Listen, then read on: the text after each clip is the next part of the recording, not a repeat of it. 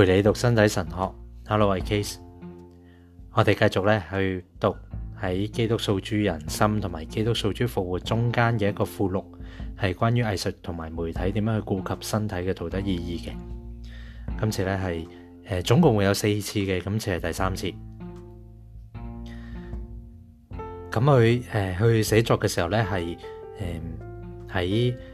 九十年代嘅时间嘅上个世纪嘅九十年代咁样。咁我哋可以注意翻当其时艺术同媒体嘅 context 我哋就住基督喺登山宝训嘅说话意义，已经作出咗一连串嘅探讨。基督去规劝听众咧，要追求心嘅纯洁，促请佢哋咧注意自己嘅行为，甚至系要注意贪欲嘅目光呢一个内在嘅行为啦。咁样，我哋喺讨论艺术呢一个广阔嘅领域。尤其系以视觉影像或者表演为主嘅艺术，以及喺论述大众文化嘅时候，我哋咧都要去谨记，诶要注意贪欲嘅目光呢一点。大众文化同埋视听传播嘅广播技术系关系密切嘅，因而喺当代咧占有重要嘅地位。我哋上次提到，人喺呢个领域嘅行为有时会遭控诉为色情影像。正如有啲文学作品会被指控为色情作品，若果呢啲行为僭越咗羞耻心嘅界限，或者个人关乎于人嘅身体、赤裸嘅身体嘅界限，即可以受到咁样嘅控诉。若果系喺艺术作品或者视听媒体入边，人侵犯咗身体就其男性同埋女性特质而拥有嘅隐私权，以及就如刚才最后嘅分析所。指出人嘅交付同埋相互嘅自我交付有其内在深层嘅秩序，呢个秩序铭刻喺遍布于佢作为人啊嘅整个结构上面嘅男女性特质。当呢个深层秩序受到扰乱，亦都会成为控诉嘅对象。呢个深切嘅铭刻，讲得更好嘅话就系一种刻印啦，对人嘅身体嘅配偶性意义有决定性嘅作用嘅。呢个意义就系身体接受嘅基本呼召，亦即系建立同埋参与人同人嘅位制共用。明显地，就艺术作品或者通过视听技术以艺术形式去摄制嘅作品而言，人嘅身体系咁样恒常朝向作为礼物去交出自己嘅，即系人性身体嘅意义已经深切咁样诶刻死咗出嚟。呢个身体意义只能够喺摄制同埋表现嘅意向性层面遭受到侵犯。正如我哋早前所提到嘅，我哋喺呢一度系将人嘅身体视为模特儿或者主题。然而，如果羞耻心同埋个人嘅个性啊，即系察觉嘅诶嗰种诶种特性、个人嘅个性喺呢个情况下咧受到冒犯，嗰个因为佢哋已经。嗰個會係因為佢哋已經俾轉移到社會交流嘅層面啦，即係羞恥心同埋個人嘅个性已經被轉移到去社會交流嘅層面，並因為人因此可以話係成為公有嘅產物啦。而呢啲嘅產物本應完全屬於維格同維格之間嘅建立嘅關係嘅。正如我哋之前所强调，与人同人一位制共融有着密切嘅关系，且按其特有嘅领域，相称于人嘅内在真谛，因此亦都符合有关人嘅整全嘅真谛。呢度啱啱讲嘅意思系乜嘢呢？就系如果啊嗰个嘅身体意义系是配偶性嘅意义啦，即系男女性嘅特质啦，喺摄影嘅时候啊，遭受到侵犯啊。即係羞恥心同埋個人嘅個性，誒超越咗界限嘅時候咧，本身應該用嚟喺位格之間嘅關係咧，就轉移到去一種社會交流嘅層面啦，變咗做公有嘅產物。原本係私有嘅，原本係兩個人嘅，係兩個位格之間嘅，就變成一個大家擁有嘅產物，變成他者啦，已經唔係主体啦，已經變成客體啦，變成誒 object 啦。唔再系一个位格嘅主题啦，咁样。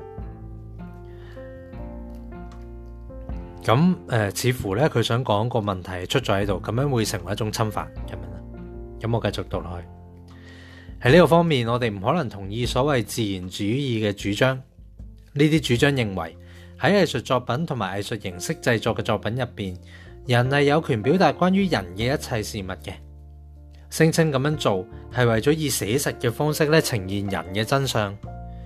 正系为咗表达人嘅真相同埋人嘅整个真相，我哋就要必须顾及身体嘅隐私意识啦。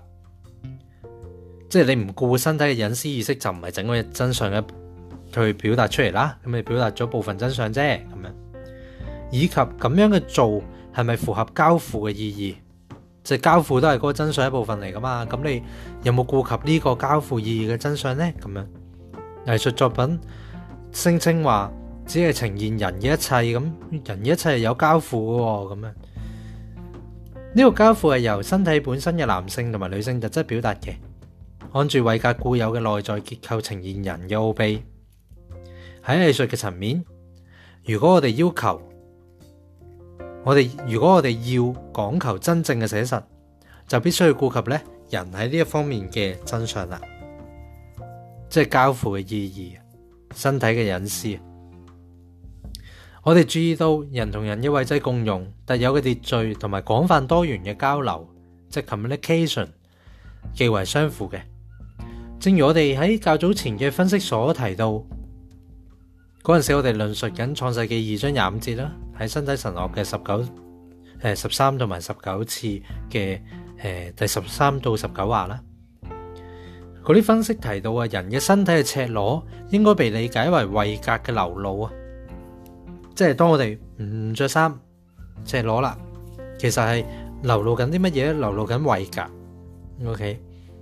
亦都係胃格交付或者係標記。即係維格嘅 gift 啊，好似一個 size 咁樣去反映個恩典啊，個標記，表示對另一個維格嘅信任同埋交付而對方亦都意會到呢一份係一份禮物嚟嘅，然後去選擇同埋決定用同樣切合維格嘅特性嘅方式咧作出回應。咁樣人嘅身體喺赤裸嘅情況下，就促成咗維格同維格之間某種相互嘅交流。相會交流呢個交流係有引號嘅，即係 communication。正如我哋之前所講啦，呢個係人性本身特有嘅交流嚟嘅。呢一種位格同位格之間嘅交流係深深咁樣滲透住人同人嘅位制共融啊，communion，personarium 嘅位制共融，即係位格同位格之間，即係個制即系 inter，inter 位格之間嘅一個 communion 啊。即系 communion 共融呢个字，亦都可以即系我哋平时系讲圣餐啊呢个字，位格同位格之间嗰种好似好似圣餐咁样，同基督连为一体嗰种共融啊。OK，呢个系统啊，同时喺咁嘅系统入边咧会增长，并喺其中咧朝住正确嘅方向发展嘅，会更加认识对方嘅。正系由于身体。喺呢个位制嘅共融系统入边，系具有重大嘅价值。而呢个价值会使到嗰个表达交付嘅元素嘅赤裸身体成为艺术作品或者视听摄制作品嘅物品同主题。因此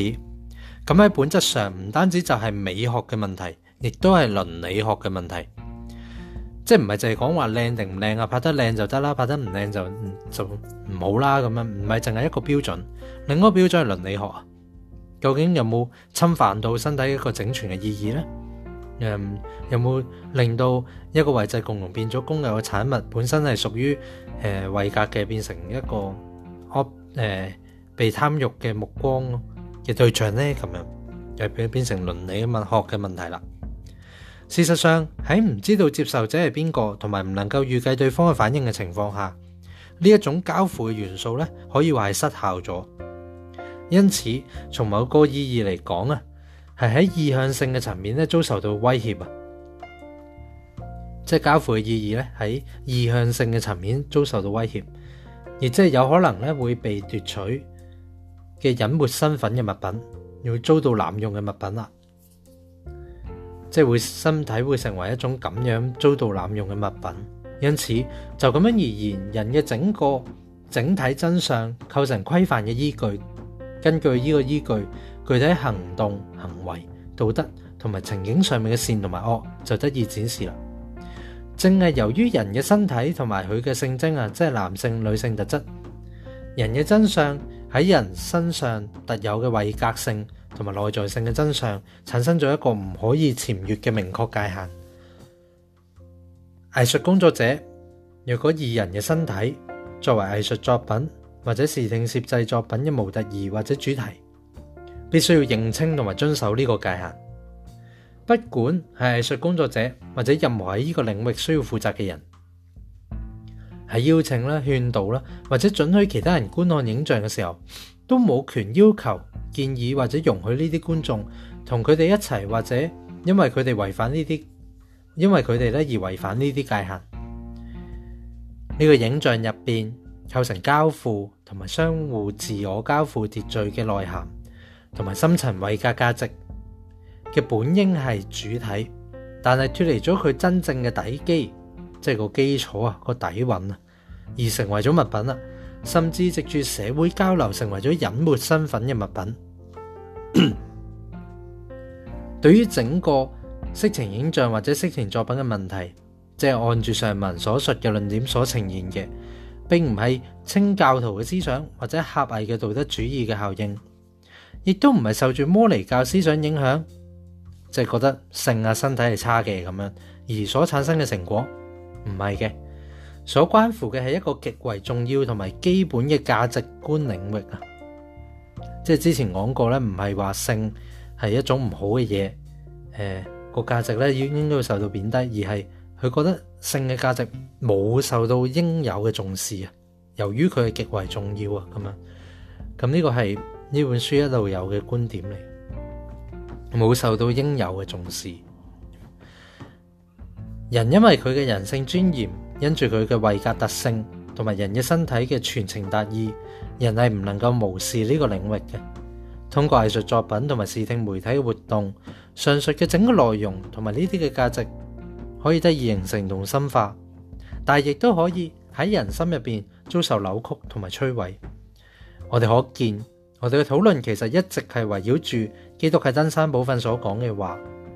对于我哋正喺度论述嘅问题，我哋亦都应该根据基督嘅言论嚟探究，亦即系基督所提到出于贪欲嘅注视就系心入边奸淫啦。有关呢个问题嘅探讨，对于如何营造有利精洁教育嘅氛围系十分重要嘅。而咁样嘅探讨，为我哋过去几次嘅诶讨论入边呢，就住呢个主题所作嘅多次分析嚟讲，系一个唔可以划缺嘅补充附录。咁我哋下次咧就会读埋呢个部分咧嘅最后一话。